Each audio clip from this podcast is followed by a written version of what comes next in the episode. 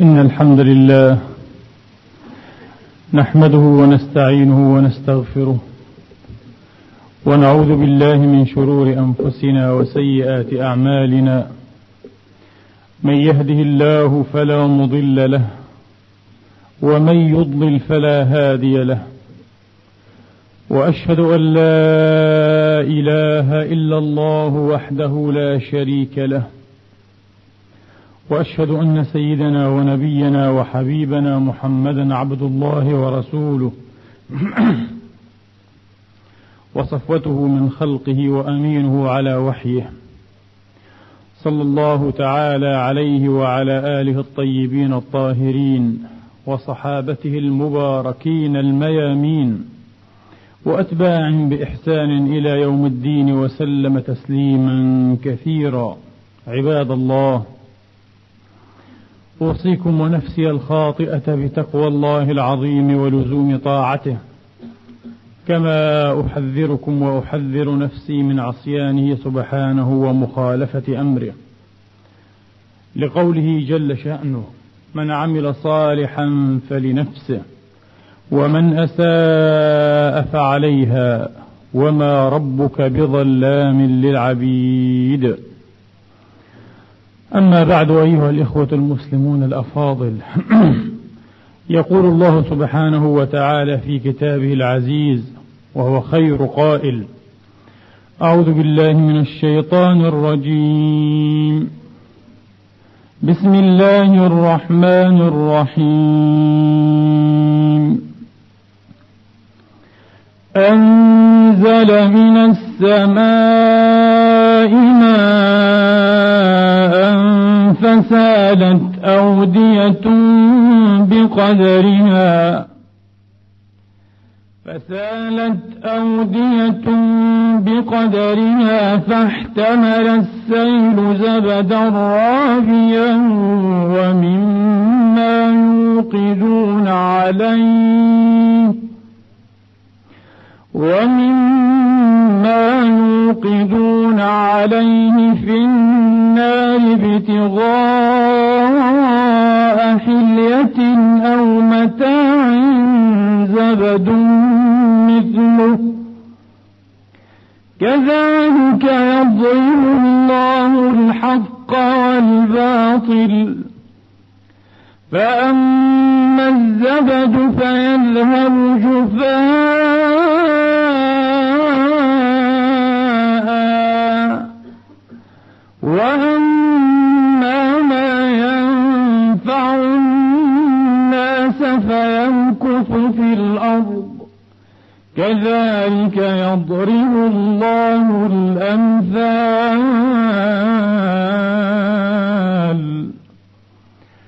صدق الله العظيم.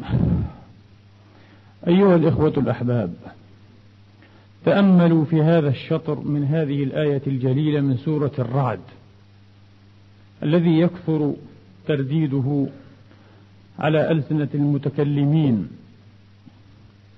فأما الزبد فيذهب جفاء وأما ما ينفع الناس فيمكث في الأرض.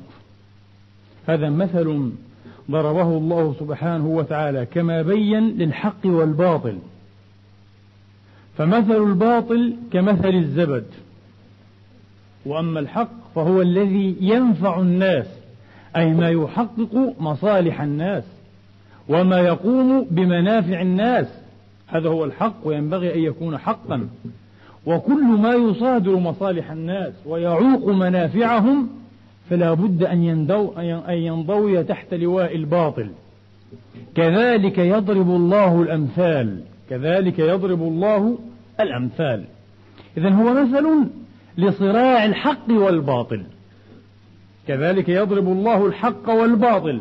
إنه الصراع مضاربة الحق بالباطل.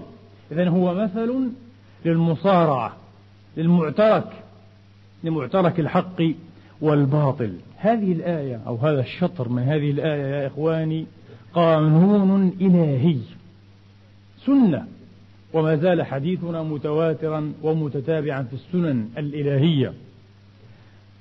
سنة إلهية حاكمة وقانون إلهي مستبد مهيمن سائد. لكن هذه السنة لا بد فيها من تفصيل الحديث لأنها ليست بالواضحة. لكثيرين منا ولا بد أن تقع التباسات واشتباهات في مظان ومصاديق هذه السنة في حياة المجتمعات والأمم. الباطل زبد لا بد أن يزول. ليس له من قوام ليس له من حقيقة ليس له من هوية دائمة. وأما الحق فلا بد أن يستقر في الأرض وأن يضرب بجذوره. واقع الناس قد يقول عكس. ذلك. قد يقول عكس ذلك. وقد نتساءل نحن الأمة المحروبة الأمة المبغي عليها والمصادر حقوقها والمتاجر بمصائرها. قد يتساءل واحد منا وقد تتساءل الأمة بلسان مجموعها كيف؟ ونحن نرى صولة الباطل وقد كممت فيها الحق ومنعته حتى من مجرد أن يستعلن بما عنده. كيف؟ أين؟ هذا ما نراه من قوة الباطل واشتهاره واستعلانه واستبداده. زبد؟ كل هذا زبد؟ وقد طال الأمد على هذا الزبد. هذا ما يراه النظر القصير أو النظر البادئ لأول مرة فقط. يرى هذا التناقض بين قانون الله بين سنة الله وبين الواقع المعاش. لكن ما يقوله الله مختلف تماما.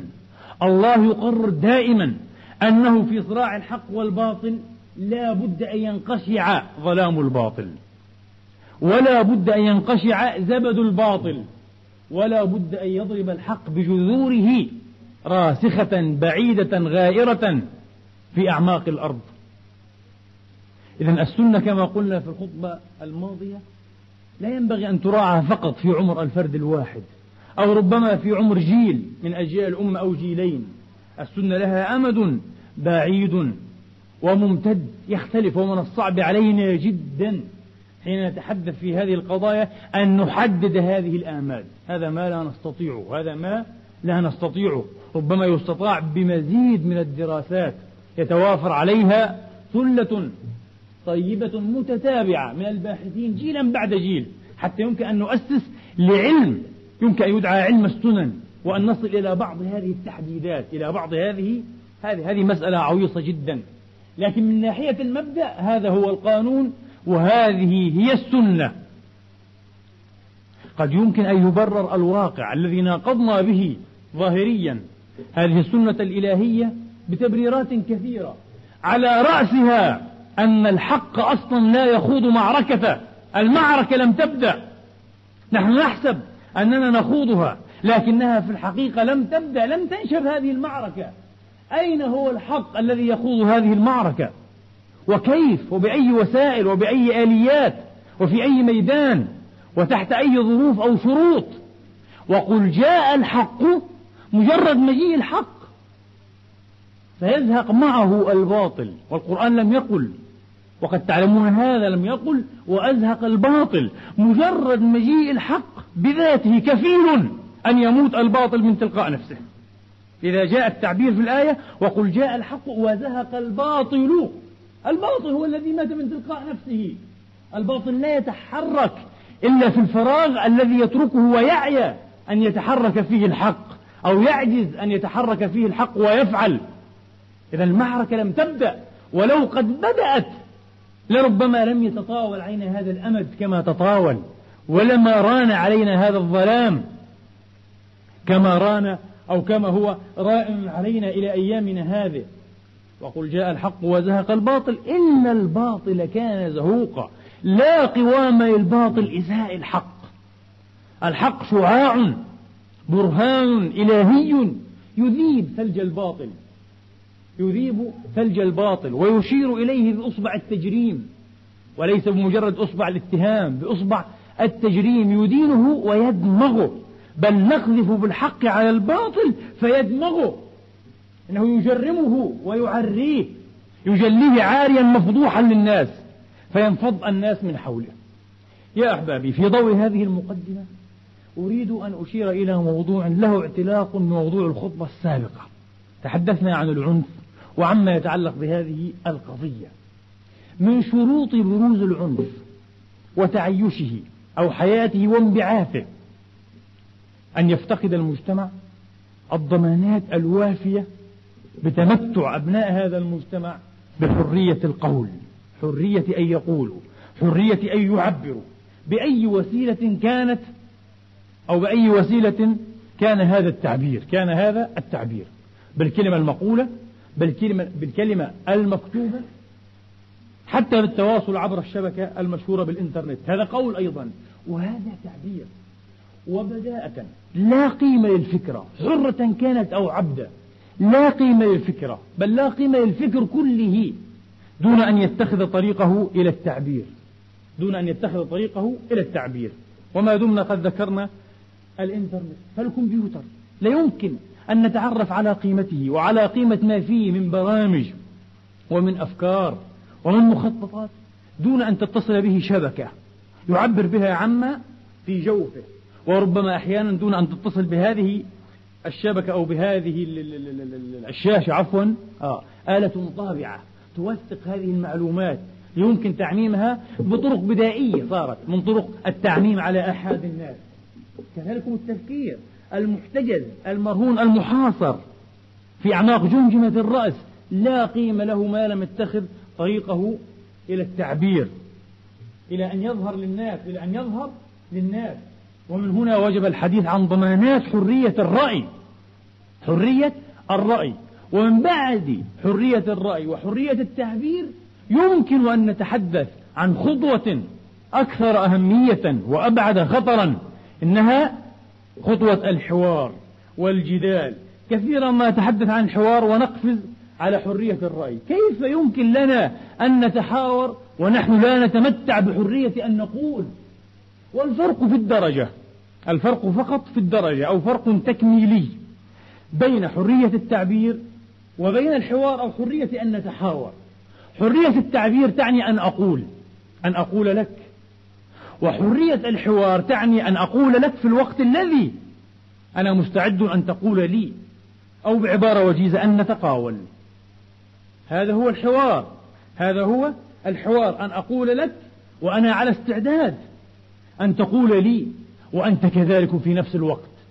إذا فرق في الدرجة فرق في الدرجة. ولا بد من الضمانة في الخطوة الأولى. حرية أن نقول حرية أن نقول لقد رأينا القرآن العظيم خلد آراء الذين قالوا على تفاهة هذه الآراء وسخافتها وتهافتها وسقوطها. وقال الذين كفروا وقال الذين لا يرجون لقاءنا وقالوا يد الله مغلولة وقالوا وقالوا آراء لا قيمة لها أصلا لكن القرآن خلدها. ولو في معرض التبكيت على قائليها أو في معرض استهدافها للنقد أو الدحض أو الإدحاض لكنه خلدها لم يلغها. الآن تلغى أفكار كثيرة تلغى برامج ونظم فكرية شاملة وكبيرة وربما تكون متقنة لحساب رأي يتيم يقبع في جيب أحدهم. قد يكون هذا الأحد سلطانا من السلاطين. حاكما من الحكام. الثقافة الآن ثقافة مأجورة ثقافة الحمير إنها كالحمار كالدابة صاحب السلطة يأخذ بزمامها ويمتطي متنها مثقفون نرجسيون مأجورون لأن نرجسية النرجسية هو حب الذات تأليه النفس. الإنسان لا يرى إلا نفسه ولا يهتم إلا بنفسه وليذهب المجتمع إلى الجحيم إلى أعماق الجحيم. المهم أن أصل أنا وأن أظهر في التلفاز وعلى صفحات المجلات وأن يزين اسمي بالألقاب وبالتعريفات وأن أكون أنا فقط. نرجسية كثير من المثقفين. تجعلهم يتخلون عن دورهم الأكيد والأصيل في الإصلاح والتغيير. والآن غدت مهمة صعبة جدا. لا أحب أن أقول مستحيلة لأن كلمة مستحيلة فيها مصادرة على كل الآمال. كلمة مستحيلة تصادر كل أمل. كلا فنحن لا نقول هذه الكلمة. لكن غدت مهمة صعبة وقد تكون صعبة إلى حد بعيد أن يوجد المثقف المصلح الذي يرنو إلى تغيير مجتمعه. وإصلاح أوضاع أمته ولم شعثها ورأب صدعها كما يقال دون أن يخرج من عباءة السلطان أو يكون مكايدا متآمرا على السلطان. إما أن يكون متآمرا على السلطان في موقع المعارضة المسلحة العنيفة وإما أن يخرج من جيش السلطان. أين إذن هو المثقف الثالث؟ المفقود الذي يريد أن يصلح وأن يغير لكنه يخرج من أوساط الجماهير يتبنى قضايا الجماهير وقوته وسلاحه ليس المدفع الرشاش وليس السيف. قلم الرصاص والجماهير قوته ليس المدفع الرشاش ولا الرصاص وإنما قلم نور والقلم وما يسطرون قلم الرصاص وقوة الجماهير ولنترك ولنخلي الجماهير تقرر مصيرها. إذا أرادت الجماهير أن تقرر مصيرها فستعرف السبيل ستعرف السبيل إلى ذلك. لكن لا يمكن أن أنوب أنا أو تنوب أنت أو ينوب هو أو ذاك أو ذلك أو ذلك. لا يمكن أن ننوب عن الجماهير عن الأمة في تقرير مصيرها. إذا هي أمة حية إلى أن يبعث هي أمة ميتة عفوا إلى أن يبعثها الله. ميتة إلى ما بعد الموت. في العالم القديم حين استولى الرومان بجيوشهم المنظمة الضاربة على الشرق القديم وفي أوقات يسيرة. يعلق أوزوالد شبينجلر المؤرخ الألماني الشهير صاحب أفول الغرب على هذا الحدث التاريخي الذي جعل بمثابة معجزة في حجم معجزة. قال إن الرومان في واقع الأمر لم يفتتحوا يعني لم يفتحوا العالم القديم. وكل ما هنالك أنهم وضعوا أيديهم على أسلاب وغنائم كانت في متناول يد كل طالب. لماذا؟ يقول شبينجلر لأن الشرق القديم كان يعج بأمم تخلت عن مسؤوليتها في تقرير مصائرها. أمم من العبيد. إذا كان يمكن لأي أحد أن يضع يده على هذه الأسباب والغنائم. وهذا ينطبق على كل أمة بما فيها الأمة الإسلامية. وفي كل وقت ينطبق هذا القانون. وهذا القول إذا هذا هو المثقف الثالث غير الموجود. نعم مهمته صعبة جدا لأنه إذا أراد أن يبدأ من نقطة الصفر أو ما بعد نقطة الصفر بقليل فإنه سيرهب أن يقول وسيخاف. سيرهب من غيره وسيخاف هو من نفسه أن يقول جهارا وينبغي أن يقول جهارا على الورقة أو باللسان أن يقول جهارا كلاما تخشى الجماهير أن تستمع إليه سرا. هي في السر تخشى أن تسمع مثل هذا الكلام. إذا كيف يمكن له أن يبوح بهذا الكلام جهارا؟ فالمهمة صعبة. وسيواجه قلم الرصاص الذي يكتب به بلا مداد بالرصاص وحده. سيواجه بالرصاص قتلا وإعداما. نعم إنها مهمة صعبة. بعض الناس يبسط الأمور كما أقول دائما ويختزلوها يبتسروها يقول لا حرية للرأي لأن المهيمنين المتسلطين لا يدعون مجالا لرأي حر ولا لرجل حر. هذه القضية. لكن نحن نقول ونتساءل مرة أخرى. المسألة جدلية تفاعلية. ولما كان الوضع كذلك؟ لما كان الوضع كذلك؟ فالمسألة جدلية تفاعلية. وجود مثل هذا المناخ وهذه الشروط هي التي هيأت لهؤلاء. الفراعنة والطواغيت أن يعتقدوا حريات الناس. وهم بدورهم ظلوا يصادرونها ويعتقلونها. فالمسألة جدلية تفاعلية من الطرفين. كل يدور حول الآخر. ولكن هذا لا يجعل المهمة مستحيلة. هناك إمكان. هناك منفذ. الكلمة الحرة الجريئة يا إخواني لابد أن تجد طريقها إلى التنفس إلى التعبير إن حوصرت مهما حوصرت ومهما طوردت لابد أن تصل أخيرا. فأما الزبد فيذهب جفاء قانون وأما ما ينفع الناس حتى لا يتعلل أحد ويقول لا سبيل ما الفائدة من القول؟ ما الفائدة أن أخطب وأن أعظ وأن أكتب وأن أهتف وأن أتظاهر؟ لا فائدة. هناك فائدة كبيرة جدا جدا. وأما ما ينفع الناس فيمكث في الأرض أوروبا التي اعتقلت الآراء آراء الأحرار وصادرتها.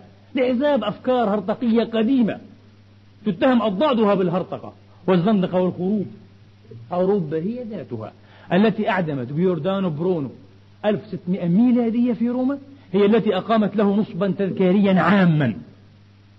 هي نفسها بعد 400 سنة.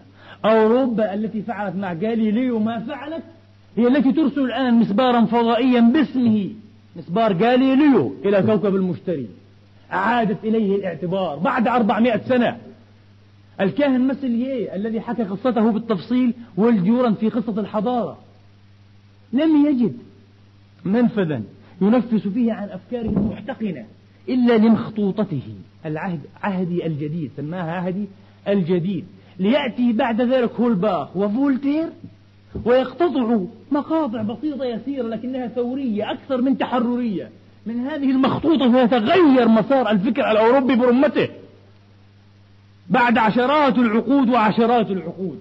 الكلمة لا بد أن تجد لها والبيولوجيا أو علم الطب والسيكولوجيا أو علم النفس تعطينا أمثلة. الآن الخراج حين يحتقن بصاحبه. لابد أن يفرغ إلى الخارج. إن لم يفرغ فإنه سيفرغ نفسه بنفسه في شكل انفجار. وقد ينفجر إلى الداخل فيهلك صاحبه. إن لم ينفجر الخارج قد ينفجر الداخل فيهلك صاحبه. لكن لابد أن يتنفس. لابد بأي طريقة؟ إن إلى الداخل وقد تنفجر الأفكار إلى الداخل في شكل موجات عنف ومعارضة مسلحة دموية نازفة لأنها منعت. طبعا هذا خطأ وضع غير صحيح. لكنها تفعل كما يفعل هذا الخراج. كما يفعل هذا. هذه قضايا طبيعية قضايا ضرورية تحصل في جميع مستويات الوجود. حتى في الوجود الاجتماعي وجود المجتمع وفي وجود العضوية في الوجود العضوي للكائنات الحية. في علم النفس أيضا العقد النفسية الراسبة في الأعماق كيف يمكن معالجتها؟ ماذا نصنع معها وبها؟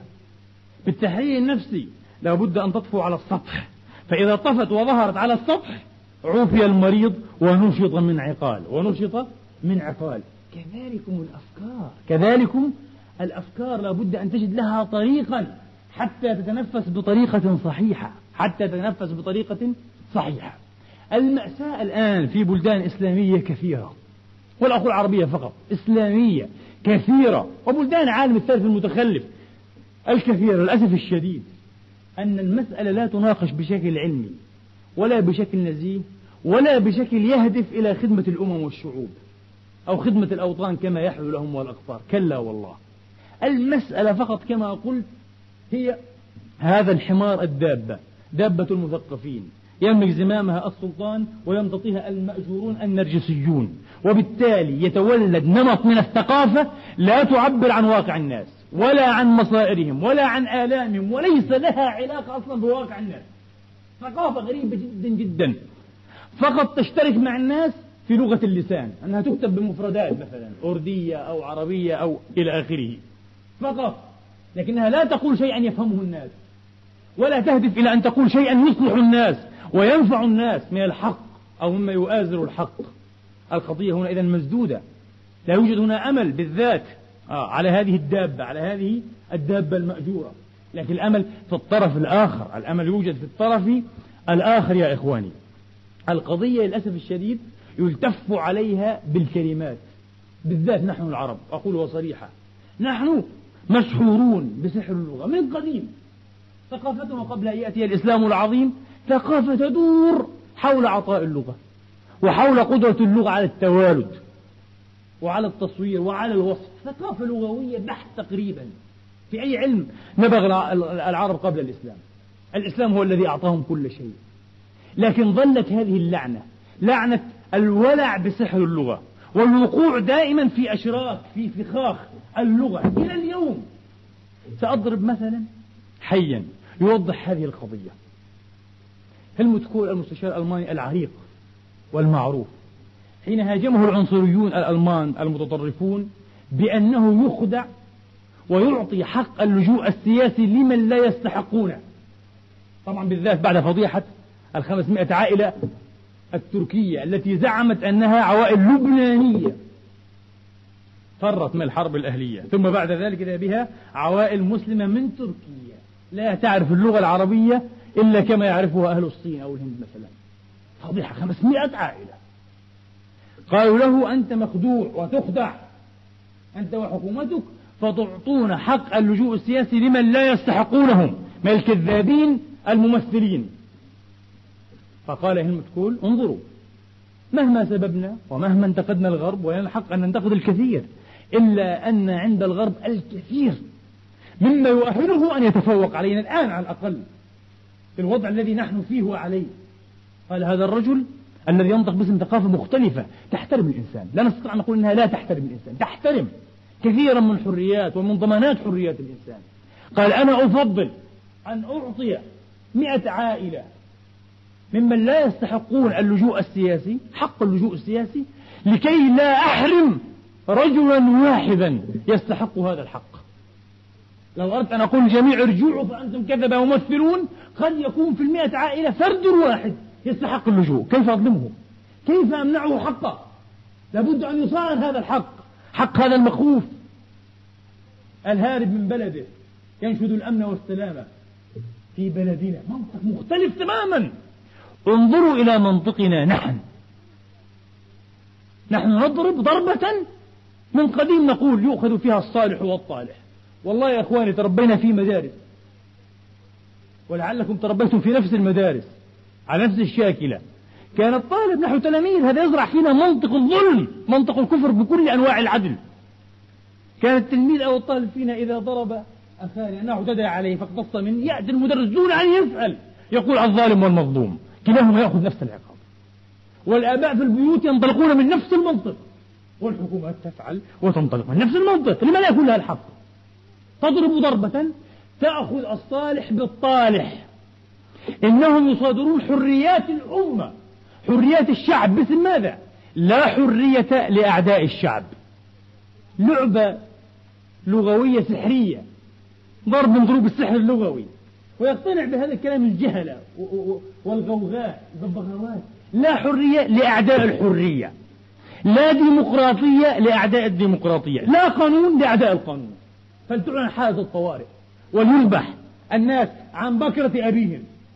من غير أي محاكمات من غير أي ضمانات حتى للدفاع. لماذا؟ لأنهم أعداء الحرية. أعداء الدفاع. أي منطق هذا؟ انظروا الآن في الجهة المقابلة. فيلم أمريكي. تدور أحداثه على مدى ساعتين. هذا يعكس أيضا ثقافة فيلم نوع من الثقافة. إرهابي رجل إرهابي فدائي إرهابي يحتل موقعا عاليا جدا ومحصنا في أكبر ملعب لكرة القدم في الولايات المتحدة الأمريكية. وبالصدفة كاميرات التلفاز ترصد هذا الرجل مع مدفعه الرشاش الكبير الموجه إلى جهة معينة يريد أن يصطاد به رأس الرئيس حين قدومه. رئيس الدولة. وهنا تبدأ قضية الفيلم. ما الحل؟ تشكل على الفور فريق عمل. وكان الحل الراهن الموجود المتاح هو حل مضمون. أن يصاب هذا الإرهابي بطلقة قناص هذا ممكن جدا. لكن هنا جاء اعتراض صار اعتراض للتو. وكيف يمكن للبوليس الاتحادي الفدرالي أن يفعل ذلك دون أن ينذر الرجل وأن يأمره بتسليم نفسه؟ ممنوع في القوانين. أن يقتل هكذا مباشرة لابد أن ندعوه إلى تسليم نفسه وإلقاء السلاح. قالوا لكننا إن فعلنا ربما أطلق الرصاص عشوائيا فأصيب الناس بحالة من حالات الذعر فيموت على الأقل نصف مليون. هكذا يقول الفيلم. نصف مليون في مثل هذا الملعب الضخم أكبر ملعب في الولايات المتحدة الأمريكية. وتثور أحداث الفيلم وتدور لساعتين كاملتين من أجل الوصول إلى صيغة. تمنع قتل الجماهير وتمنع الإطاحة برأس رئيس الجمهورية وفي نفس الوقت أو رئيس الدولة في نفس الوقت وهذا هو الداهية هذه الداهية في نفس الوقت تسمح لهذا المواطن الإرهابي أن يتمتع بحقه الذي يكفره له القانون ممنوع أن يقتل دون أن ينذر. هكذا تصان الحريات وهكذا يحترم الإنسان. نحن ليس لدينا إلا الكلام. وإلا المواعظ. الضمانات والأفعال على الأرض غير موجودة بالكلية. الموجود هو صورة ضدية كاملة كالمادة وضد المادة بحيث أنها إذا التقت مع ضدها يمكن أن يتفانيا. لا يوجد هناك حتى قناة للتواصل للأسف الشديد.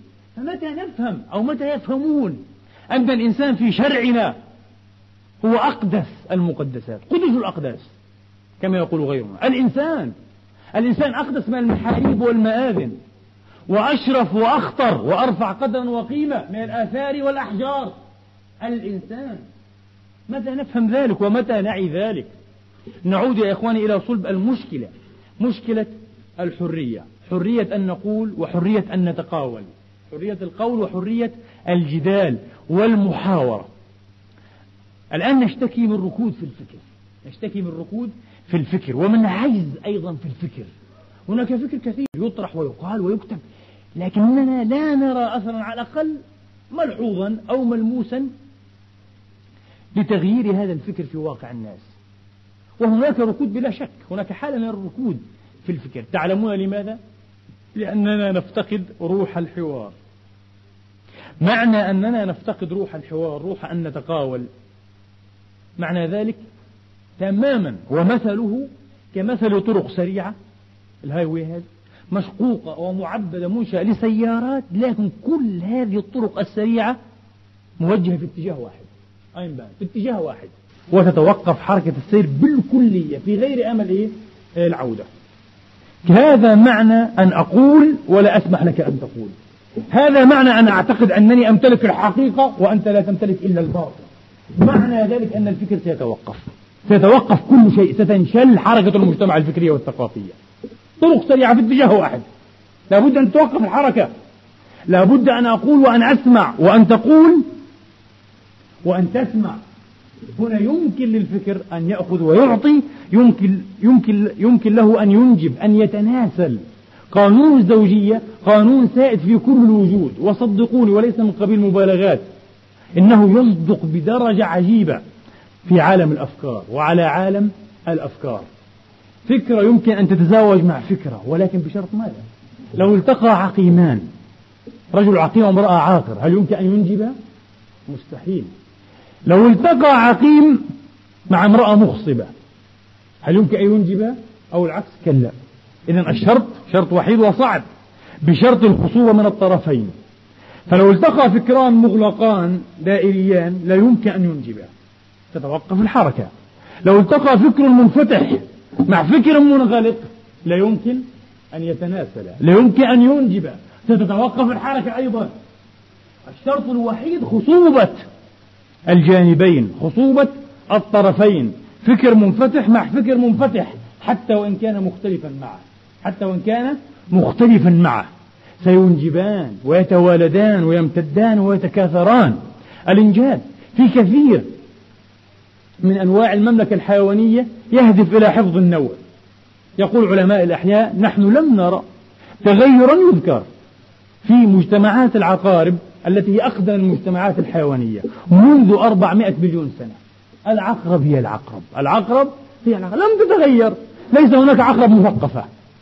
تستعلم بأنها هي الأكثر ثقافة أو علما أو تحررا. العقرب هي العقرب. مجتمع الأرانب أيضا. منذ ملايين السنين هو مجتمع الأرانب. لكن في مجتمع أو في عالم الأفكار البشرية الإنسانية الوضع مختلف تماما. ويختلف الآن أيضا من الشرق إلى الغرب ومن الغرب إلى الشرق. هنا اصطنع الجنس البشري وفعل لنفسه في الأربعين سنة الأخيرة فقط. هكذا تقول الدراسات المختصة. في الأربعين سنة الأخيرة فقط. أكثر مما فعل لنفسه على مدى تاريخه بطوله. فقط في أربعين سنة. تعلمون لماذا؟ لحرية القول وحرية التعبير وحرية الأخذ والرد. وحرية الأخذ والرد. تناجو أو تناسل وتزاوج الأفكار. الطفل الطفل يولد ويمكن أن يمتص خبرات البشرية ومعارف الإنسانية في ظرف عقدين من الزمان وهي تساوي مئات الآلاف. هم يقولون ملايين عمر الإنسان. ملايين السنين. فلنقل عشرات الآلاف أو الآلاف من السنين. في عقدين. لماذا؟ فقط لأن هناك وسائل للتعبير ووسائل لتثبيت. ومن هنا لعن القرآن الذين يكتمون الحقائق من يكتم المعرفة والحقيقة ملعون. ملعون من الله ملعون من الملائكة ملعون من الناس واللاعنين أجمعين. وأقسم في المقابل بالقلم وبالحرف وبالدواء. أقسم. هكذا يمكن أن تتطور المجتمعات الإنسانية. المجتمعات الإنسانية من بعد القطعيات يا إخواني في الميدان الديني بالذات لا يمكن لأحد كائنا من كان كائنا من كان وليس هذا إلا لرسول الله كائنا من كان أن يدعي أنه يمتلك الحقيقة وأن له أن يفرضها على الناس بالإرهاب والبطش الفكري أو حتى البطش البدني. كلا. وما أحسن كلمة الإمام مالك التي يقولها كثيرون ولا يفهمون منها شيئا إلا أنهم يقولونها. كل أحد يؤخذ من قوله ويترك إلا صاحب هذا المقام عليه الصلاة وأفضل السلام. الفاروق عمر رضي الله تعالى عنه وأرضاه. الفاروق تقوم له امرأة تصححه فيقبل. نحن نرددها قصة على أنها موعظة أو شيء مسلم. ومللنا من تكرار هذه القصة. لكن لا نعي أبعادها الفكرية والاجتماعية والتغييرية. إنها أبعاد خطيرة. الإمام المودودي أبو الأعلى رحمة الله تعالى عليه يقول إن الأمة والمجتمع الإسلامي قد أصيب بصاعقة لم يعاف منها إلى يومنا هذا. المودودي إلى يومنا هذا. ما هي هذه الصاعقة؟ طبعا المودودي هذا اسم ترهبه كثير من الأنظمة والحكومات وتضع تحته خمسين خط أحمر وتدعي أنه كذا وكذا. هو مفكر إسلامي جليل وعالم نذر حياته لإصلاح أمته وتغييرها. لا أكثر ولا أقل. واقرأوا ما كتب هذا الرجل. قطعا في فيما كتب هناك الحق وهناك بعض الخطأ وهو مأجور في كلتا الحالتين. للأسف يعني هناك طبعا إيه؟ هناك من سيسعدون ومن لهم مصالح في تدمير الرموز والشخصيات الإسلامية. لماذا؟ لأنها تنتمي إلى المثقف الثالث اليتيم الذي ذكرته. المثقف الذي لا يخرج من جيب أو من عباءة السلطان ولا يركب حمار السلطان حمار ثقافة السلطان ولا يتآمر على السلطان بشكل واضح. لا يريد ذلك هو. هو يريد أن يقول للناس قرروا مصيركم. واطلبوا رشادكم بأنفسكم.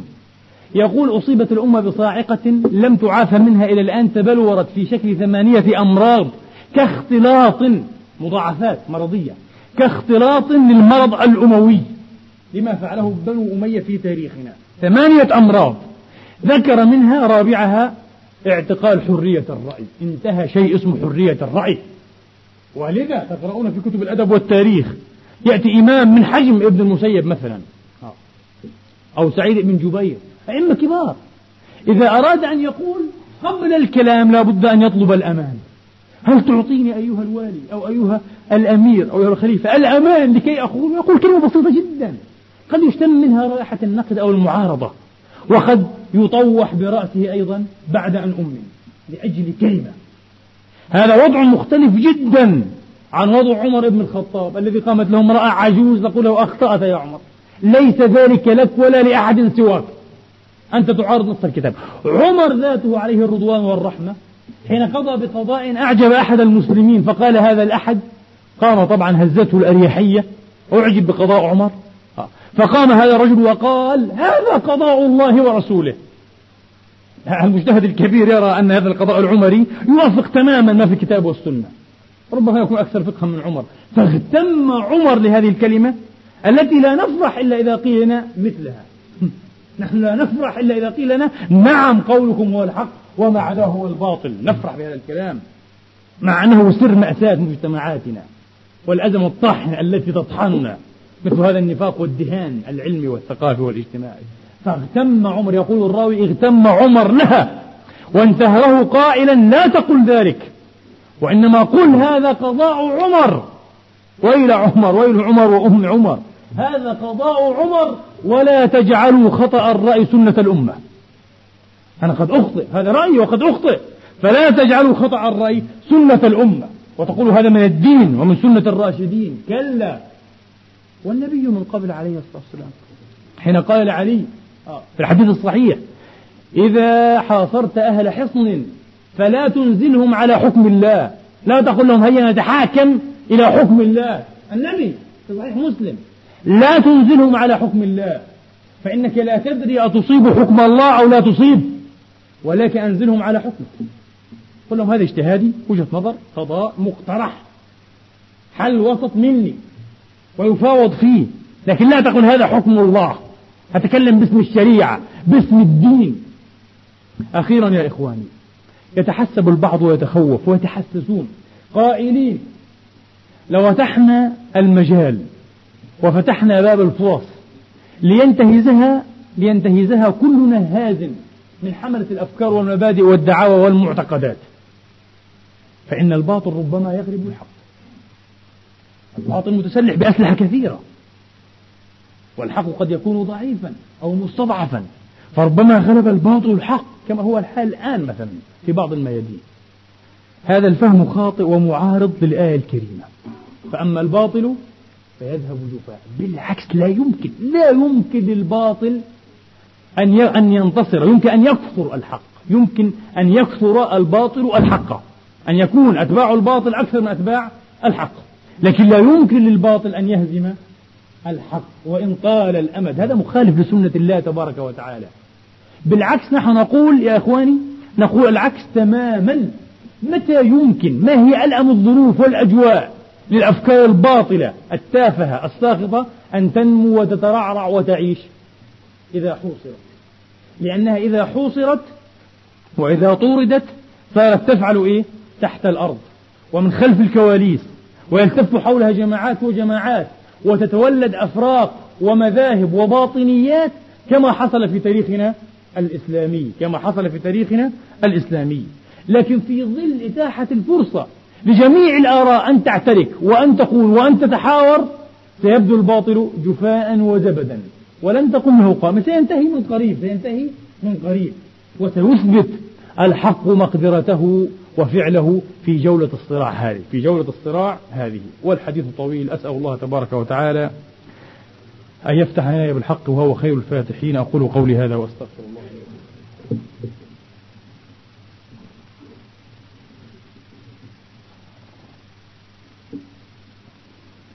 الحمد لله الحمد لله الذي يقبل التوبة عن عباده ويعفو عن السيئات ويعلم ما تفعلون. ويستجيب الذين آمنوا وعملوا الصالحات ويزيدهم من فضله والكافرون لهم عذاب شديد. وأشهد أن لا إله إلا الله وحده لا شريك له وأشهد أن سيدنا محمدا عبده ورسوله صلى الله تعالى عليه وعلى آله وأصحابه وأتباعه وسلم تسليما كثيرا. أما بعد يا إخواني أستأذنكم في دقيقتين فقط. تعلمون جزاكم الله خيرا وبارك الله فيكم. الموضوع الذي تطرقنا إليه بعد الصلاة في الجمعة السابقة وهو موضوع أخينا الذي ابتلاه الله تبارك وتعالى في صحته وفي عافيته. نسأل الله عز وجل أن يمن عليه بالصحة والعافية وأن يكسوه ثوب العافية السابق من قريب يا رب العالمين. وفي الحقيقة جاءت في نفسي كلمات أحببت أن أذكرها وليس من طبع المجاملة. الكلمة الأولى أريد أن أشكر الجميع هنا. كل من ساهم في دعم قضية هذا الأخ المبتلى. نسأل الله أن يعافينا. فشكر الله لكل من تقدم ولو بقرش أو بفلس وشكر الله لكل من زار هذا الأخ. ويشكر الله تبارك وتعالى لكل من دعا ويدعو لهذا الأخ بالشفاء والمعافاة. اللهم آمين. فجزاكم الله خيرا. وما أطيب هذا المسجد وما أطيب رواده والله. دائما رواد معطاؤون. يعني بطلب بسيط بضع كلمات. الحمد لله تبارك وتعالى جمعنا عشرات الآلاف. ثم بعد ذلك انتدب أخ ندبناه بكلمات قصيرة فجزاه الله خير الجزاء. ونسأل الله تبارك وتعالى أن يكثر ماله وأن يبارك له فيه وأن يبارك في ذريته وأن يخلف عليه بخير في الدنيا والآخرة. وهذا طبعا يفتح باب الأمل. أمة محمد فيها الخير والله يا إخواني. أخ انتدبناه بكلمة. والله ما تجمجم ولا تردد ولا غمغم. قال إذا مع ذلك ينقصكم المبلغ المتبقي 220 ألفا. هي مني إن شاء الله. فانظروا والله. نعم المال الصالح للرجل الصالح. فنحن نسأل الله أن يتقبل من هذا الأخ وأن يزيده فضلا على فضل ونورا على نور وهكذا فليكن. وهكذا فليكن شكر النعمة نعمة الله تبارك وتعالى. وما أحسن هذا التآزر والتآصر الإسلامي؟ شيء يبكي يا إخواني والله. شيء يبكي يستخرج الدمع من المآقي لو حدث مثل هذا في أي مجتمع آخر مجتمع مجتمعات العرب غير المسلمين لا يمكن لا يمكن أن يكون الوضع كهذا الوضع. بجهود بسيطة جدا. الكل يتحرك كخلية نحل وكل يخدم من طريقه. كل يخدم من طريقه وهكذا لا يضيع المسلم. فتأملوا بالله عليكم فعلا لو حكم الإسلام مجتمعات الناس. لو حكم الإسلام مجتمعاتنا إسلام الله والرسول الإسلام الحق إسلام الرحمة إسلام العطاء إسلام الصدق إسلام الاجتماع إسلام الجسد الواحد كيف يمكن أن يكون حالنا؟ لا يمكن أن يكون كما هو الآن.